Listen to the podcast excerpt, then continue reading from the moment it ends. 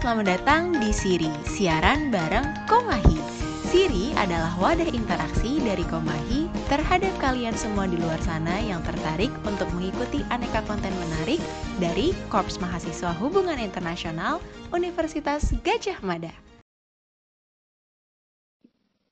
Oke, Nah, uh, selain juga tentang tata cara yang baik dan benar untuk menghubungi dosen, aku juga mau nanya nih tips dan trik selama kuliah online. Karena kan kita udah berbulan-bulan di rumah aja, mungkin produktivitas juga jadi agak menurun. Terus juga uh, kayak apa yang Mas Herman tadi bilang, karena kuliahnya lebih fleksibel gara-gara online, jadi ba gampang banget nih buat mager-mageran, karena yang main sosmed lah, atau bahkan yang balik tidur. Nah, mungkin dari kajuan dulu nih, bisa sharing tips and trick biar um, tetap produktif gitu selama kuliah online. Oke, bener banget Asia. Maksudnya kita kemarin udah libur. Ya, bisa dikatakan technically belajar dari rumah sudah lama di rumah mungkin udah ke bawah santainya gitu ya. Dan kita harus kembali lagi ke rutinitas untuk uh, kuliah. Mungkin buat memunculkan kembali semangat kuliahnya dari sekarang udah mulai bisa baca-baca lagi tuh buku kuliah di semester lalu. Mungkin juga cari-cari bacaan jurnal atau ya baca-baca artikel berita terkini gitu. Selain bisa menstimulasi kita buat menghadirkan semangat dan vibe kuliah lagi kegiatan-kegiatan di atas bisa jadi modal persiapan yang bagus juga untuk memulai semester baru. Karena kan kita kuliah di HIUGM tidak pernah bisa lepas dari pembicaraan seputar perkembangan-perkembangan situasi internasional terkini. Jadi ya perlu banget buat tahu akhir-akhir ini ada apa sih gitu. Apalagi juga kemarin thanks to Inka, EKE Herman dan kroni-kroninya. Waduh, kroni-kroni. Enggak deh. Herman dan teman-teman Inka yang udah kasih teman-teman HI kompilasi silabus plus beberapa bacaan dari tiap-tiap mata kuliah. Jadi kita udah bisa tahu dari sekarang ke depannya kira-kira bakal belajar apa aja di tiap-tiap mata kuliah tersebut. Jadi untuk persiapan pun bener-bener udah bisa dimulai sejak sekarang. Terus kalau untuk tetap produktif di luar kegiatan akademis ya kembali ke masing-masing lagi juga, sukanya apa, terus mungkin lagi pengen belajar menekuni apa. Kalau aku pribadi uh, mulai bikinin jadwal harian gitu, misalnya lagi pengen belajar apa nih, katakanlah pengen mengembangkan skill public speaking. Nah, aku kasih alokasi waktu tuh seminggu misalnya dua kali selama sekian jam gitu. Nah, itu benar-benar harus dipakai buat kegiatan yang berhubungan dengan misi tadi. Misalnya, kalau pengen mengembangkan skill public speaking ya bisa baca-baca buku tentang tips and trick melatih kepercayaan diri untuk berbicara di depan umum. Atau mungkin nonton TED gitu, sama jangan lupa belajar untuk praktiknya juga. Pokoknya kalau aku karena orangnya gampang, apa sih, mungkin kehilangan motivasi gitu ya, Makanya perlu dibikin suatu metode di mana aku bisa terus memaksa diriku sendiri untuk mencapai goals yang udah aku tetapkan tadi. Makanya dibikin jadwal yang remindernya itu ada di mana-mana, maksudnya ada di HP atau di tempat-tempat lain yang sering kita lihat. Jadi dengan begitu ada semacam tekanan tersendiri kayak yang aku harus menyelesaikan misiku, aku harus menyelesaikan misiku gitu. Gitu sih, Asia. Oke, keren banget nih Kak Juan. Nah, ngomongin soal silabus yang dikompil sama teman-teman Inka, mungkin Sobat Hihi 2020 kalau mau bisa minta ke Kakak Badi atau bisa ke nge-DM ke ini ya Kak, ke Instagramnya Komahi. Benar nggak Mas Herman? Betul banget, Asya. Oke, nah aku juga mau nanya nih ke Mas Herman mengenai tips and trick yang bisa diterapin selama kuliah online, terutama gimana caranya nyelesain bahan bacaan yang dikasih dosen. Karena jujur aku dari semester pertama kayaknya kesusahan banget buat menyelesaikan required reading. So. Oke, okay. oh ya uh, sebelumnya aku juga mau bilang makasih banyak ya buat Juan dan teman-teman lain yang udah uh, ikut secara nggak langsung ikut serta juga di project-project Inka. Aku senang mendengar ketika project itu bisa ngebantu orang lain. Nah, buat perkara tips nih, sebenarnya uh, menurutku emang jadi kendala ya ketika kuliah online karena kita diberi fleksibilitas tapi di waktu yang bersamaan kita juga menjadi mm, tergoda untuk tidak memberikan fokus waktu kita ke perkara kuliah.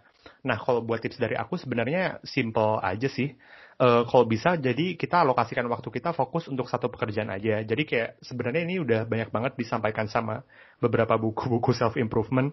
Jadi kalau bisa ketika kamu kuliah online, kalau bisa jangan usah multitasking. Kalau misalkan kamu emang lagi niat buat uh, fokus banget di materi yang disampaikan dosen. Jadi kalau misalkan aku sendiri sih, jadi aku memang mungkin mirip juga seperti yang udah Juan bilang, aku jadi mengalokasikan waktuku di suatu hari untuk uh, satu task tertentu aja. Jadi kayak misalkan contohnya, aku uh, misalkan fokusin hari, let's say hari belajar biasa nih. Jadi hari pagi sampai kira-kira sampai 12 itu benar-benar fokus buat kuliah aja. Tapi kalau misalkan udah malam lebih dari jam 9 itu kok bisa udah stop dulu walaupun itu susah sih sebenarnya. Selain itu juga, kalau misalkan kita kuliah nanti kan kita nggak cuman kuliah as in di kelas aja kan. Buat beberapa mahasiswa, aku juga yakin terutama buat anak-anak yang 18 ataupun 19, pasti saat ini juga sedang mengurus berbagai macam event ataupun ada mengurus proyek-proyek tertentu. Nah menurutku kalau buat tips-tipsnya juga, buat alokasi waktunya kok aku saranin dibikin uh, fokus tertentu gitu loh. Jadi kayak misalkan uh, kalau bisa misalkan ada perkara yang nggak perlu-perlu amat dirapatin secara online, kalau bisa lewat chat itu juga nggak apa-apa. Jadi kalau misalkan, soalnya kadang-kadang ketika aku lagi ngikutin project ataupun event tertentu, kadang-kadang banyak banget perkara yang harusnya cuma bisa harusnya bisa disampaikan lewat chat aja, tapi akhirnya dipakai buat rapat online. Sebenarnya itu bisa lebih cepet sih, cuman kalau secara mental seperti yang udah disebutkan sebelumnya itu sangat consuming. Nah, kalau buat perkara bahan bacaan nih, sebelumnya disclaimer, aku juga sebenarnya nggak sesering itu baca required reading dari dosen. Tapi kalau buat uh, mempersingkat waktu ketika kamu ingin memahami bahan bacaan dari dosen, sebenarnya bisa banget kamu nyari reviewnya di internet. Kayak misalkan contohnya uh, in case ada yang GPS di uh, podcast ini, contohnya di matkul Pak Muhadi kan itu banyak banget bacaan wajib tiap minggu ya. Itu sebenarnya kalau misalkan kamu nyari-nyari di internet tuh banyak banget reviewnya ya, entah dalam bentuk video, audio, ataupun mungkin artikel singkat. Nah itu bisa banget kamu pakai buat nyari intisari dari bacaan yang di wajibkan oleh dosen. Selain itu juga, kalau misalkan di buku-buku dosen tuh kadang-kadang ada poin-poin penting di awal. Jadi sebelum masuk ke paragraf yang versi deskriptifnya, di awal tuh biasanya ada kayak key points-nya. Nah, kalau misalkan kamu punya waktu yang sangat-sangat terbatas, aku sebenarnya dari sana juga udah cukup menggambarkan kira-kira tuh inti bacaannya seperti apa. Dan juga e, menurutku ini sih, kalau misalkan kalian punya teman kelompok belajar nih ya, ini sebenarnya tipsnya sangat bekerja kalau misalkan kalian lagi kuliah offline. Jadi mungkin 30 menit sebelum kelas ataupun uh, momen sebelum itu sebenarnya bisa banget kalian pakai buat diskusiin lagi bahan bacaan yang dibutuhkan buat kelas pada hari itu. Apalagi kalau misalkan kelas kamu ini uh, ada kuisnya. Tapi kalau misalkan online kan mungkin ada kendala ya. Cuma kalau misalkan kalian punya kebetulan punya teman satu circle atau mungkin punya teman kelompok belajar yang kebetulan kelasnya sama, itu bisa banget kalian apa ya pakai tanda kutip pakai buat belajar bareng sebelum kita masuk ke kelas. Kalau aku gitu sih. Wah, bener-bener ya inspiratif banget saran-saran dari Kak Juan dan Kak Herman. Yang mana bisa banget kita terapin untuk pelajaran ke depannya. Nah sedih banget tau gak sih, aku tuh baru denger saran-saran yang kece abis ini. Harusnya aku bisa praktekin itu dari tahun sebelumnya, tapi nggak apa-apa. Ini pun aku mungkin akan mulai mempraktekkan untuk semester depan. Nah, kalau kuliah ini kan biasanya dosen-dosen itu suka banget ya ngasih tugas kelompok. Nah, gimana sih caranya, terutama buat Sobat Hihi 2020 nih, yang baru untuk bonding selama kuliah online? Karena kan kayak kita nggak pernah tatap muka secara langsung, tapi tiba-tiba kita udah disuruh aja gitu kerja bareng. Nah, menurut Kak Hermat gimana nih? Halo.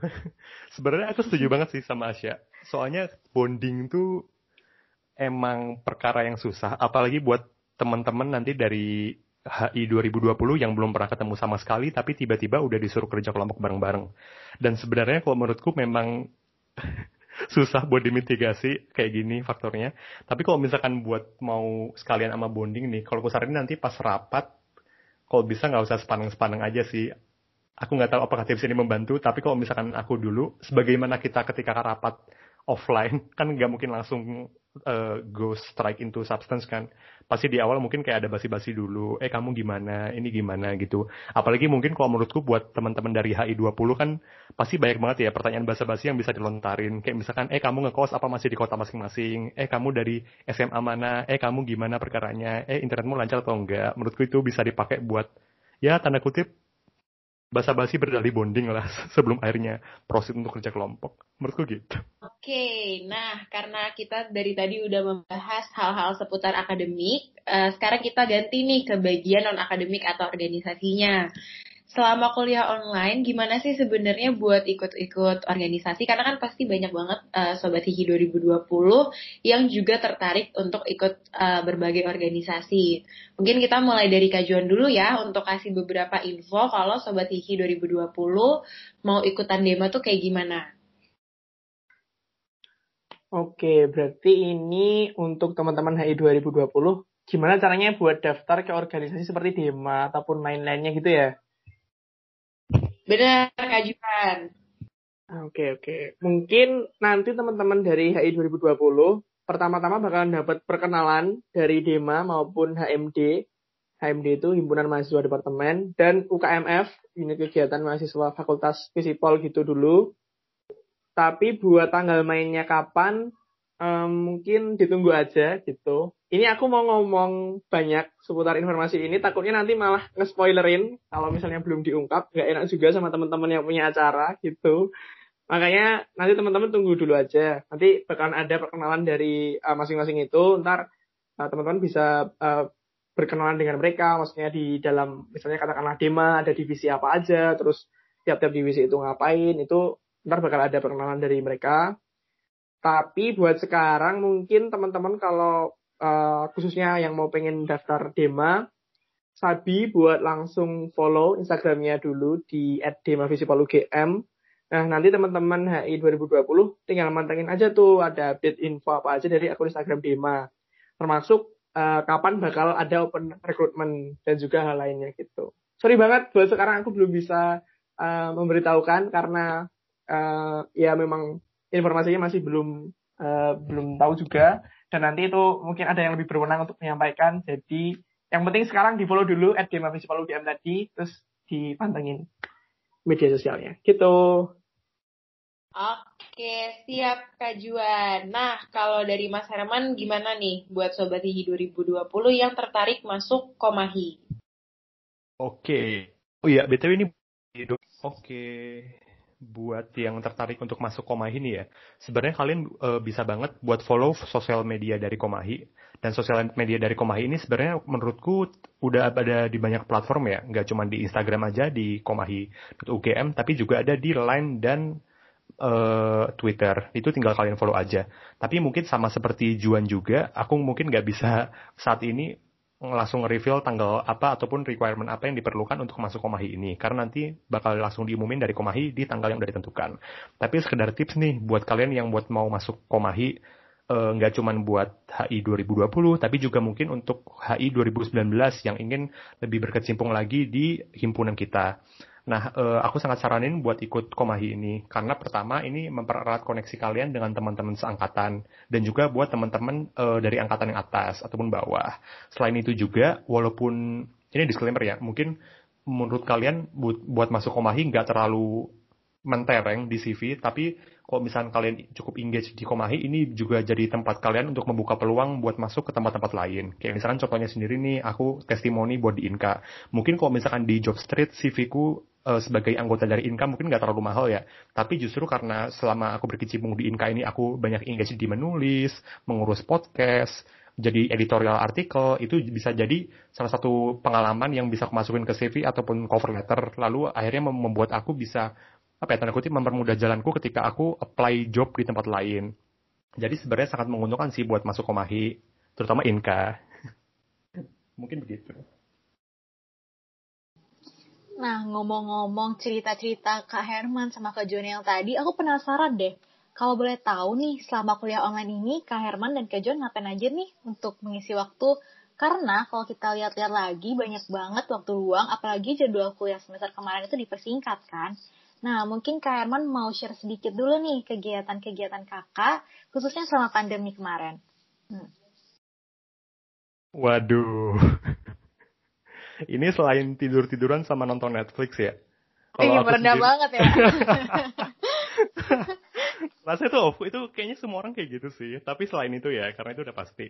Uh, mm-hmm. Kalau aku kebetulan masih cukup berkecimpung di Komahi, terlebih lagi di Inka. Setelah itu, selain itu juga aku di Foreign Policy Community of Indonesia atau FPCI Chapter UGM. Dan sekaligus untuk promosi, maaf, buat kalian yang mau ngikutin soal isu-isu mengenai kebijakan luar negeri ataupun isu-isu global, kalian bisa banget cek di sosial media kita at fbci.ugm. Nah, tapi kalau misalkan buat hobi nih, Deosha, uh, aku, ya selain tidur ya, uh, aku mungkin kadang-kadang meluangkan waktu aku untuk freelance di beberapa media. Jadi sebenarnya kalau buat kalian yang punya hobi buat nulis ataupun jadi kontributor, itu bisa banget kalian cek-cek di sosial media, kayak misalkan contohnya di Jawa Post, di Geotimes, di Hipwi, itu sebenarnya mereka jadi lapak yang kosong banget kalau kalian mau mendapatkan honor dan sekaligus juga mengembangkan skill kalian di penulis. Dan menurutku itu jadi salah satu kegiatan yang viable banget sih kalau misalkan kalian punya waktu yang cukup panjang. Dan juga apalagi kan di HI ini kita fokusnya di beberapa tugas uh, fokusnya di nulis ya. Jadi menurutku ketika kalian mengeluangkan waktu untuk tanda kutip agak nge-freelance nih di media, kalian dapat keuntungan yang double. Jadi pertama kalian bisa mengembangkan hobi, tapi at the same time juga melatih skill kalian uh, supaya waktu kerjain tugas nanti nggak terlalu kaku lah istilahnya menurutku gitu tapi sebenarnya kebanyakan tidur sih aku nggak mau menyangkal Iya bener banget. Enak banget ya dipakai tidur. Tapi bener keren banget. banget sih. Kayak tetap produktif gitu kan. Jadi ya teman-teman sobat hihi jadi bisa mungkin kita tuh harus tetap produktif ya. Karena di luar sana tuh ternyata banyak banget kesempatan yang bisa kita ambil buat tetap produktif dan mengembangkan diri. Nah, kalau dari kajuan sendiri gimana nih?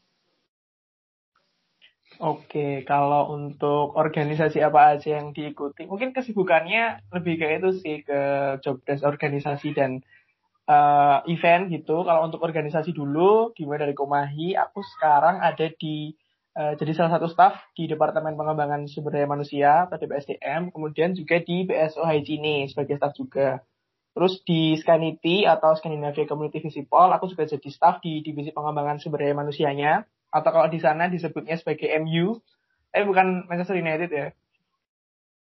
Terus di Dema aku jadi staff di Divisi Advokasi gitu. Jadi kemarin uh, terutama yang ini sih di uh, Pomahi dan di uh, yang rutin per bulan gitu. Terus juga sempat magang juga kemarin selama kurang lebih dua bulan di suatu uh, startup gitu yang uh, mungkin bisa dikatakan ya startup tapi di bagian investasi gitu di bidang investasi. Terus jadi di sana jadi uh, investment analyst gitu. Terus ya mungkin yang paling bisa aku banggakan produktif itu terus sisanya mungkin kalau kegiatan lainnya lagi senang nonton dokumenter apa pun itu.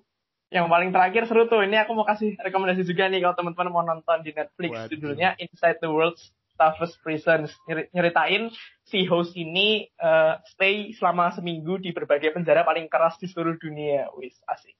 Itu sebenarnya uh, series gitu kalau nggak salah udah sampai season 4 pokoknya seru abis dengerin cerita-cerita susah maupun senang dari narapidana di berbagai penjara di seluruh dunia gitu. Terus mungkin uh, hobi lainnya yang lebih bermanfaat mungkin juga lagi uh, senang baca-baca buku tentang self development seperti tadi udah sempat direkomendasikan Herman juga di awal buat teman-teman uh, perbanyak buku baca-baca buku self development. Aku agak menyesal baru mulai baca belakangan tapi nggak apa-apa nggak ada kata terlambat buat belajar. Terus juga itu sih sama lagi nyoba-nyoba belajar desain Photoshop gitu.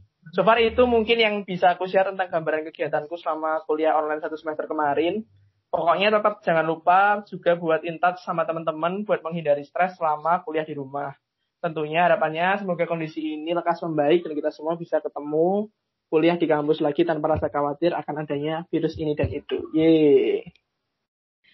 Gila, keren banget ya kajian sama Mas Herman. Ternyata selama corona ini produktifnya itu bukan produktif aja, tapi produktif banget sampai magang, sampai freelance. Nah, karena ternyata meskipun uh, adanya kuliah online ini banyak banget yang kita bisa lakuin dan kalau misalnya uh, sobat Hiji 2020 uh, mau tahu informasi lebih lanjut atau misalnya belum masuk ke grup Gama Pol nih kalian bisa DM Instagram Instagramnya ppsmb underscore hi atau ya ampun ada notif maaf ya teman-teman. Aku ulang lagi deh. Oke, ternyata keren banget ya Kak Juan sama Mas Herman selama corona ini. Mereka tetap produktif dengan cara magang, freelance, dan lain sebagainya. Untuk teman-teman Sobat Hihi 2020 yang belum masuk ke grup Gamada Visipol ataupun HI, kalian bisa banget nih DM Instagramnya PPSMBHI atau di Dema Visipol UGM. Nah, karena kita juga udah di penghujung podcast, terima kasih banyak buat Kajuan dan Mas Herman udah mau ngobrol-ngobrol bareng kita. Terima kasih ya, Kak. Makasih, Kak. Iya, Terima terima kasih, kasih juga terima kasih. buat Asia, Dewi, dan temanku Juan.